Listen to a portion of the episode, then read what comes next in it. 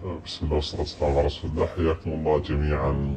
متابعين الأعزاء ومستمعين الكرام في بودكاست نبوغ اليوم أنا بتكلم عن موضوع شيق وجميل كلكم تعرفونه.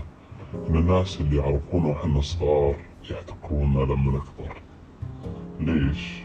لأنهم ما متوقعين هذا النبوغ يكون منا وهذه المعرفة تصير وتصدر منا.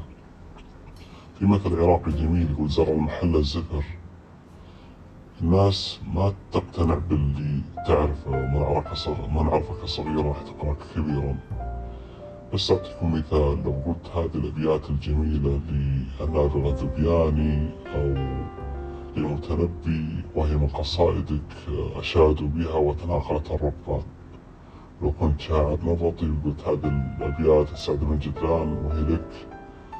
امتدحوا شعر بن سعد بن جدلان وكتبوا معلقات في البيتين